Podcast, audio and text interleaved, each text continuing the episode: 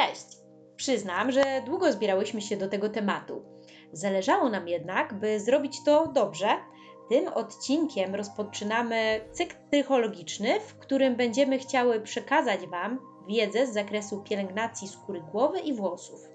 I dziś opowiemy o tym, czym jest trychologia, omówimy budowę skóry głowy i włosów i wymienimy najczęstsze choroby tego obszaru. Zapraszamy. Gosia Jezierska i Basia Zdrojewska.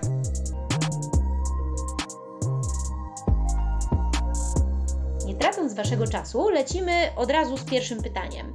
Basiu, czym jest trychologia? Bo to chyba stosunkowo nowa dziedzina, jeśli chodzi o pielęgnację. Gosia przede wszystkim ja ogromnie się cieszę, że ruszyłyśmy temat tak istotny dla wielu kobiet i mężczyzn e, borykających się z problemami skóry głowy i włosów. E, zobacz, jaki ten los jest przewrotny, bo z jednej strony chcemy usunąć włoski tam, gdzie nie są one chciane przez nas i mile widziane, poprzez depilację, no a z drugiej wzmocnić i odbudować te, które z jakichś przyczyn rosną słabo. No dokładnie. Zatem e, wyjdźmy od tego, po co nam włosy na głowie. Fizjologiczna rola włosów ogranicza się do funkcji izolacyjnej, w niewielkim stopniu ochronnej i receptorowej, czyli służą po prostu nam do odbierania bodźców. Włosy mają również znaczący wpływ na naszą samoocenę i stanowią wartość estetyczną i psychospołeczną. No właśnie, ale jak widzimy, że z naszymi włosami się coś dzieje nie tak, to zgłaszamy się do trychologa? Dokładnie. E, trychologia jest specjalizacją zajmującą się problemami skóry e, głowy i włosów. E, dzięki odpowiednim badaniom, diagnozie możemy drogą zewnętrzną oraz wewnętrzną pobudzić odrost włosa, przyspieszyć jego wzrost, a także zaleczyć i przeciwdziałać też wszelkim problemom skóry głowy.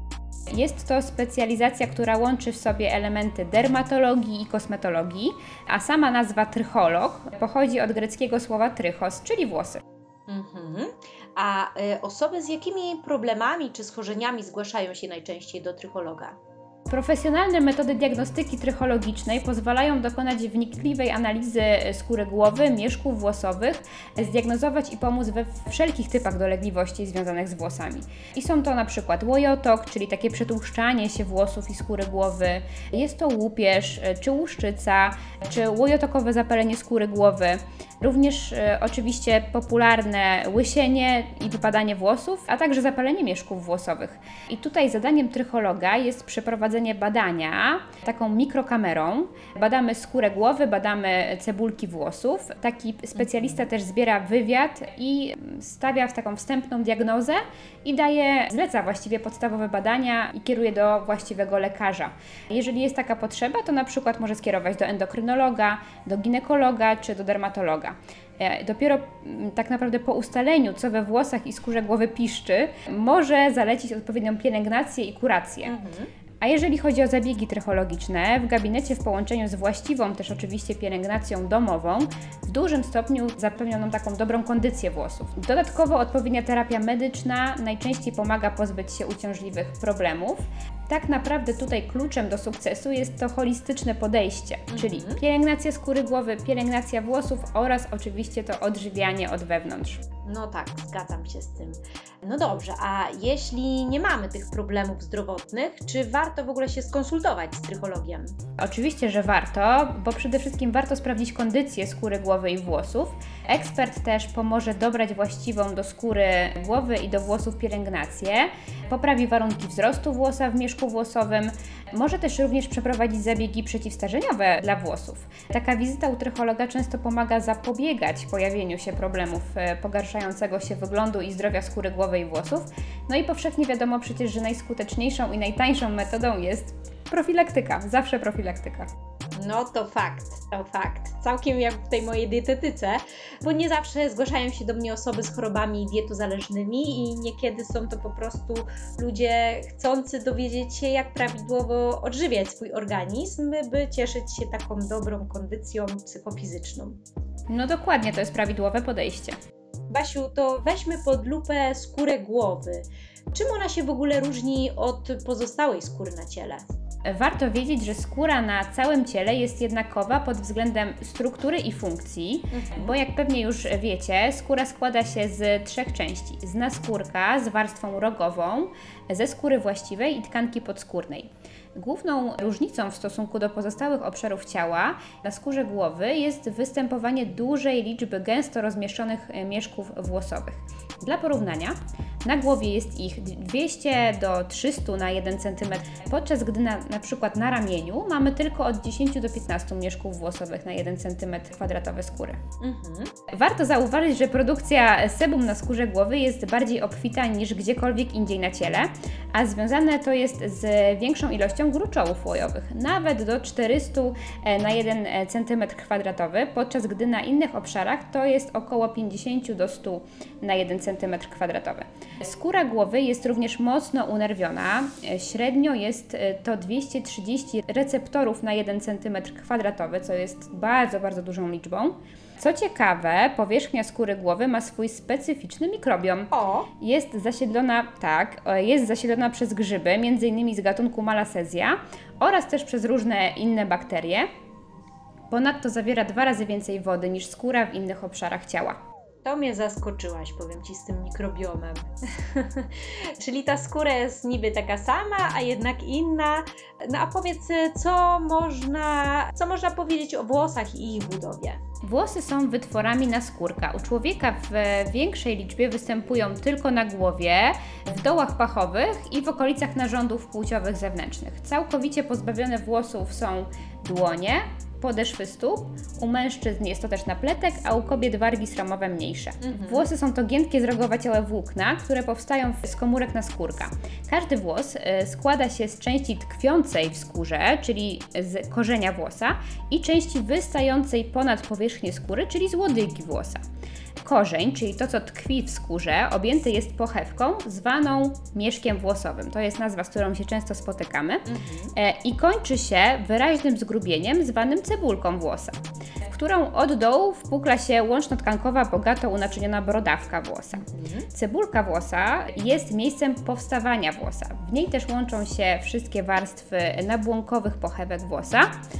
Po stronie rozwartego kąta, jaki mieszek włosa tworzy z linią powierzchni skóry, przyczepia się do niego mięsień przywłosowy, a powyżej uchodzi do niego gruczoł, czyli gruczoł łojowy, tak, który nam produkuje to sebum. Część mieszka włosowego leżąca powyżej ujścia gruczołu łojowego nosi nazwę lejka. Mhm. Dzięki niemu włos nie przylega ściśle do ścian mieszka, układając się luźno w skórze.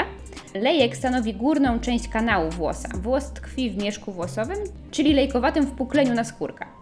Mieszek składa się z części nabłonkowej i łączno-tkankowej. Część nabłonkową stanowi macierz włosa, a część łączno-tkankową brodawka włosa, zaopatrzona w naczynia krwionośne i nerwy. I ta brodawka włosa jest ściśle związana z macierzą. Z części nabłonkowej w wyniku rogowacenia powstaje łodyga włosa, czyli część włosa, która właśnie nam wystaje ze skóry. Trochę to skomplikowane, ale mam nadzieję, że mniej więcej. Oj, powiem ci, że bardzo. mniej więcej to udało się opisać. ja jeszcze ja jeszcze będę to musiała raz y, przesłuchać. Zróbmy sobie w takim razie taki mały przerywnik, by głowa przyjęła te wiadomości o tej budowie włosa. I kochani, przytoczę Wam e, kilka ciekawostek. Ciekawostki, tak jest. Tak, tak. Lubimy ciekawostki, także trochę ciekawostek o, o włosach.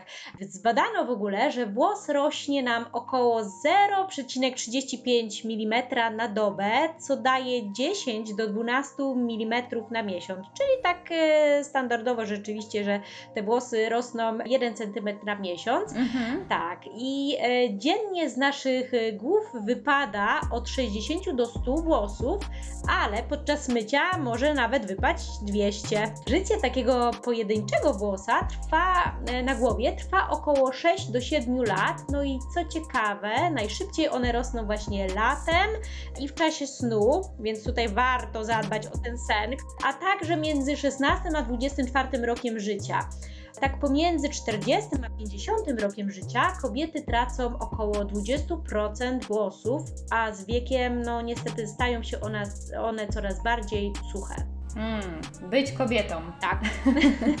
Dobra, to ja słuchajcie, wracam z powrotem do głębszych zakamarków wiedzy. Przeszliśmy jakoś tam przez budowę włosa, e, to teraz może poz poznajmy skład włosów, tak? O, tak, poproszę, poproszę. Głównym składnikiem włosów jest e, keratyna, zawierająca ponad 20% cysteiny. Cysteina to taki aminokwas bogaty w siarkę. Dzięki licznym wiązaniom w obrębie cząsteczek keratyny, struktura chemiczna i mechaniczna włosów jest niezwykle trwała. Mimo, że średnia grubość włosa na głowie wynosi około 70 mikrometrów i jest no, proporcjonalna do wielkości opuszki włosa, tak jak e, powiedziała Gosia, z wiekiem włos skóry owłosionej głowy stają się coraz cieńsze, ale brwi czy włosy w nozdrzach i w uszach grubsze. O rany. tak, to jest bardzo charakterystyczne, właśnie tak mi się teraz przypomniało u starszych ludzi. Rzeczywiście, że te, te brwi są Mhm. nieraz takie krzaczaste. Kiedyś to Nawet, się nawet tak się kręcą troszeczkę. Tak, tak, tak. Tak, jakoś tak, ale wiesz co, czytałam też gdzieś, że włosy na brwiach, one no nie rosną e, tak jak włosy na skórze głowy. Chyba tam jest jakaś krótsza No dzięki Bogu, bo byśmy z taką grzywką dodatkową no właśnie, chodzili. Jejku, byśmy na oczy nie widzieli. Ale one chyba też mają swój No. taki krótszy cykl e, życia, z tego co się orientuję. Ale e, o tym jeszcze za chwilę pomówimy. Ale Mhm. Basiu, czy to prawda, że kolor włosów e, zależy od cech dziedzicznych i rasowych? E, tak, zdecydowanie tak. Włosy jasne w odróżnieniu Mhm. od ciemnych są cienkie i posiadają mało melanosomów, czyli takich ciałek melaninowych produkujących melaninę, czyli barwnik Mhm. skóry i włosów. To już wiemy z wcześniejszych odcinków. Tak. I mają szczątkowy rdzeń oraz odbijają światło.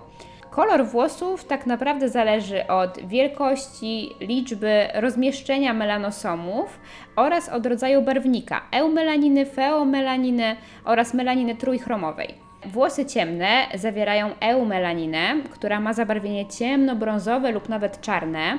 Z kolei feomelanina, mająca barwę czerwoną i żółtą, występuje we włosach takich blond albo przy włosach rudych.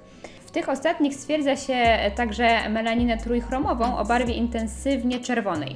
Z wiekiem włosy ciemnieją głównie z powodu sumującej się ekspozycji na słońce. Wiesz co, cały czas mi chodzi tak jeszcze po głowie właśnie e, to, jak, jak rosną te włosy. Opowiesz coś o tym? E, tak, co ciekawe, włosy nie rosną w sposób ciągły, ponieważ aktywność mieszków włosowych ma charakter cykliczny. To też już wiecie z odcinków o depilacji. Każdy cykl tutaj trwa średnio od 2 do 6 lat i obejmuje trzy fazy występujące kolejno po sobie. Aha, to masz na myśli e, ten anagen, katagen i telogen, prawda? Nie inaczej, omawiałyśmy tak naprawdę cykl wzrostu włosa właśnie przy okazji odcinków poświęconej depilacji. Więc oczywiście, jeśli macie ochotę, to zapraszamy Was do odsłuchania bodajże siódmego odcinka, wszystko o depilacji. Mhm. A mogę Cię prosić tak mimo wszystko, żebyś e, pokrótce opowiedziała o tych trzech fazach? No pewnie. Otóż anagen to faza wzrostu, w której podziały komórkowe są bardzo nasilone. Trwa około właśnie od 2 do 6 lat i w tej fazie w warunkach fizjologicznych powinno się znajdować około 80 do 90% włosów skóry owłosionej głowy. Włosy znajdujące się w okresie anagenu są bardzo wrażliwe na działanie różnorodnych czynników. Katagen z kolei to faza zakończenia podziałów komórkowych i tutaj ona trwa już troszeczkę, znaczy zdecydowanie nawet krócej, bo około 2-4 tygodni. Telogen to okres wypadania włosów i odpoczynku tej opuszki, czyli cebulki włosa, tak? Dotyczy około 10, no 15% włosów skóry owłosionej głowy i trwa około od 2 do 6 miesięcy. W czasie telogenu zrogowaciały, nieaktywnie metaboliczny włos tkwi w górnym odcinku mieszka włosowego i tutaj on już jest niewrażliwy na czynniki toksyczne, już mu wszystko jedno. Czyli już, już e, skończył swój żywot, że tak powiem. On się z nami żegna już, tak. No a co może wpływać e, tak naprawdę na wypadanie, utratę włosów? Bo myślę, że to jest taki naj, największy problem e, nas tutaj. Wpływ na to e, mogą mieć czynniki wewnętrzne i zewnętrzne. Mhm. Do najczęściej spotykanych zaliczyć możemy stres o różnym pochodzeniu, oczywiście również infekcje, też teraz tak e, często diagnozowane choroby autoimmunologiczne, również niedokrwistość, niedożywienie, co też jest niestety dużym, myślę, ostatnio problemem społecznym.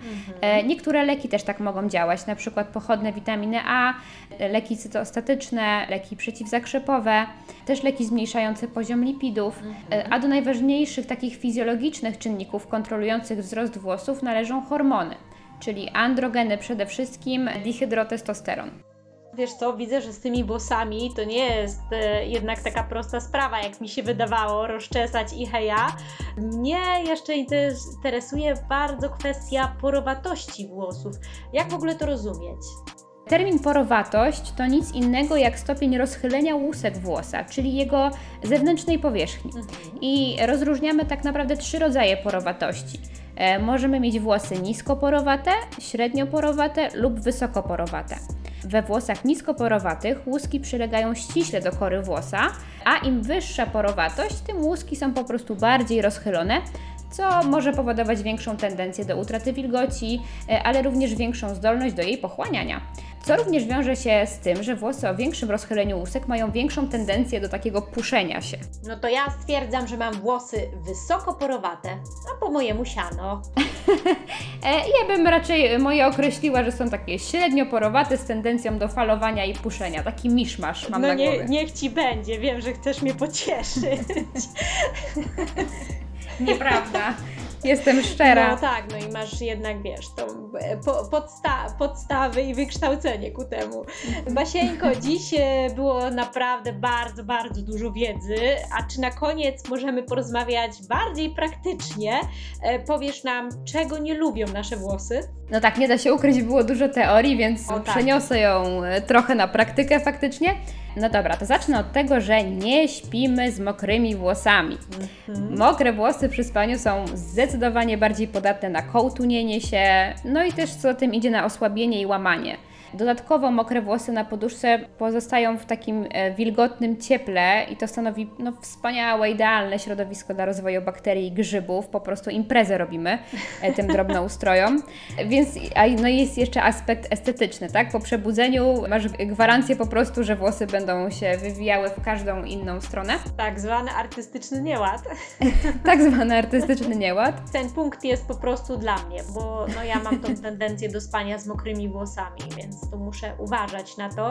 Ja tak sobie jeszcze myślę, że warto również pamiętać, że po umyciu włosów nie należy ich od razu szczotkować, prawda? Mhm. E, lepiej odczekać te 15 minut, co jest częstą praktyką, a nie należy tego jednak robić. Zaczesujemy mokre włosy do tyłu i to zdecydowanie obciąża skórę głowy i same włosy. Należy je delikatnie rozczesać i po wysuszeniu możemy przystąpić do delikatnego szczotkowania. A takim kluczem jest y, oczywiście dobór odpowiedniej szczotki. I tu bardzo, bardzo ważna kwestia. Takim włosiem, które nie uszkodzi mechanicznie y, naszego włosa. No i po prostu po co szczotkujemy? Bo domyka on tą łuskę włosa, co daje efekt takiego wygładzenia. Tak, dobra szczotka zmieniła życie moim włosom i przy okazji też moje życie zmieniła.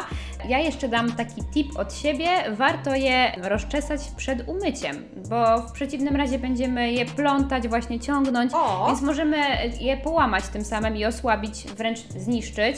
Więc ja zawsze też czeszę włosy tuż przed umyciem. Mhm. E, warto też wiedzieć, że przy długich włosach nie należy spać z rozpuszczonymi włosami, bo też ryzykujemy właśnie takim poplątaniem, łamaniem włosów. Ja jestem osobiście fanką, jeżeli noszę już dłuższe włosy, żeby je sobie zapleść taki luźny warkoczyk. To coś dla mnie, bo ja mam teraz bardzo długie włosy, także będę chyba w takim luźnym warkoczyku spała, a później takie fajne fale będą.